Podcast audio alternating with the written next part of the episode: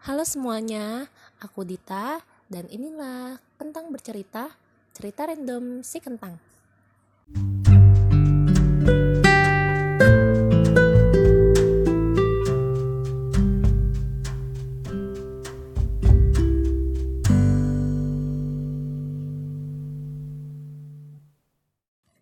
Hai, cuaca di rumahku saat ini adem banget loh, karena ya masih lumayan pagi, dengan background suara ayam berkokok dan masih ada suara burung. Aku membuat suara ini sekitar jam 7 lewat 5. Oke, aku mau share ilmu baru nih, yang baru aku dapetin dari buku berjudul Berani Tidak Disukai karya Ichiro Kishimi dan Fumitake Koga. Bukunya berisi sekitar 314 halaman dengan 5 bagian di dalamnya. Tapi ada satu bagian yang paling aku sukain. Ada di halaman 62 tentang perasaan inferior adalah asumsi yang subjektif. Jadi, sebenarnya apa sih perasaan inferior itu? Oke, menurut Adler, kata yang dimaksud perasaan inferior itu adalah perasaan memiliki sedikit harga. Nah, jadi perasaan inferior ini berkaitan dengan ukuran nilai seseorang terhadap dirinya. Hmm, ukuran nilai. Maksudnya apa sih ukuran nilai? Maksudnya, perasaan bahwa seseorang merasa tidak berharga atau nilai dirinya hanya sebatas itu. Tapi kabar baiknya, perasaan inferior ini bersifat subjektif. Kenapa subjektif? Karena sebenarnya segala sesuatu yang terjadi pada hidup kita ini bersifat netral. Yang bikin baik atau buruk adalah cara kita menyikapi hal tersebut. Kita ini sebenarnya bisa loh pilih mau jadi sesuatu yang buruk buat diri kita atau jadi sesuatu yang baik buat diri kita. Dengan kata lain, perasaan inferior yang kita alami adalah penafsiran yang bersifat subjektif ketimbang fakta yang objektif. Kita ini sebenarnya nggak bisa mengubah fakta objektif, tapi kita bisa mengubah penafsiran subjektif. Contohnya kayak aku yang ngerasa gemuk. Aku yang gemuk itu cuma perasaan minderku yang bersifat subjektif yang timbul karena aku membandingkan diriku dengan orang lain oh iya dia mah body goals sedangkan aku gemuk dan sebenarnya itu cuma masalah interpersonalku aja karena sebenarnya aku nggak akan berpikir kalau aku gemuk kalau nggak ada orang yang bisa aku bandingin dengan diriku nah jadi perasaan inferior ini berkaitan juga dengan nilai seseorang atas dirinya sendiri nilai yang kayak gimana sih nilai mulu dari tadi nih bahas Oke, contohnya nih sebuah batu berlian ya. Kita tahu loh kalau berlian ini nilainya tinggi, harganya mahal. Nah, coba kita ubah nih sudut pandang kita terhadap berlian itu. Berlian itu sebenarnya nggak lebih dari sebutir batu yang mengkilap.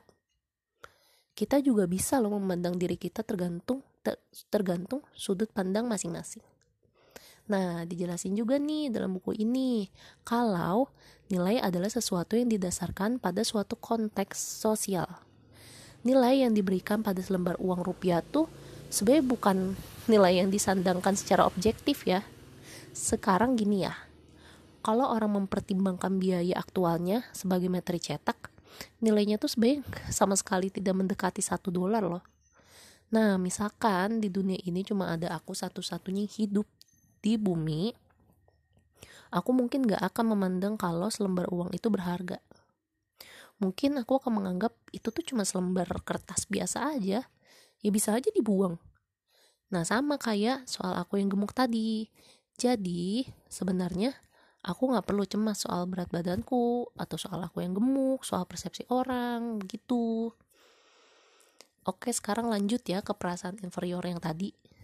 Perasaan inferior yang sehat timbul dari membandingkan diri sendiri dengan keadaan diri yang ideal, bukan dari membandingkan kita sendiri dengan orang lain. Upaya seseorang untuk menjadi makhluk yang lebih unggul tuh sebenarnya hasrat yang universal kok. Ini yang dinamakan perasaan superioritas, yaitu kecenderungan untuk menjadi unggul dari yang lain dan mendaki untuk lebih tinggi. Sebenarnya semua manusia tuh pada dasarnya pasti mengejar superioritas. Tapi perasaan superior ini nggak akan benar kalau setiap perjalanan untuk mencapai puncaknya harus menendang orang lain sampai jatuh. Orang-orang yang memiliki perasaan superior menganggap hidup ini tuh adalah kompetisi untuk meraih menang atau kalah.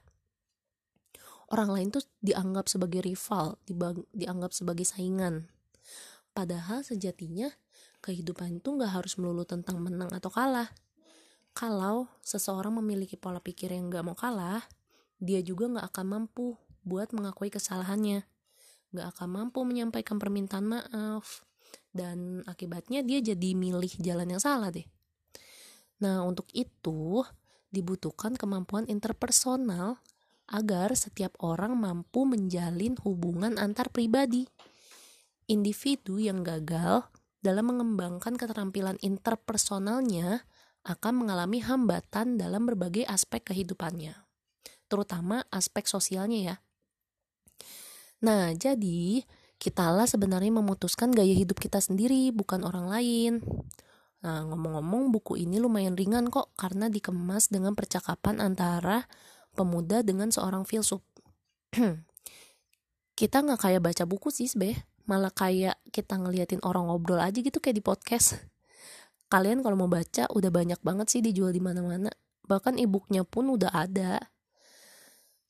Hmm, sebenarnya aku rekomendasiin banget buku ini buat uh, orang yang masih hidup dengan rasa trauma, dengan rasa insecure, sulit untuk menerima diri sendiri, selalu ngebandingin hidup dengan orang lain. Karena uh, sejujurnya buku ini juga cukup membantu sih dalam mengatasi permasalahan tersebut. Oke, mungkin cukup sampai sini ya untuk penjelasan tentang perasaan inferior.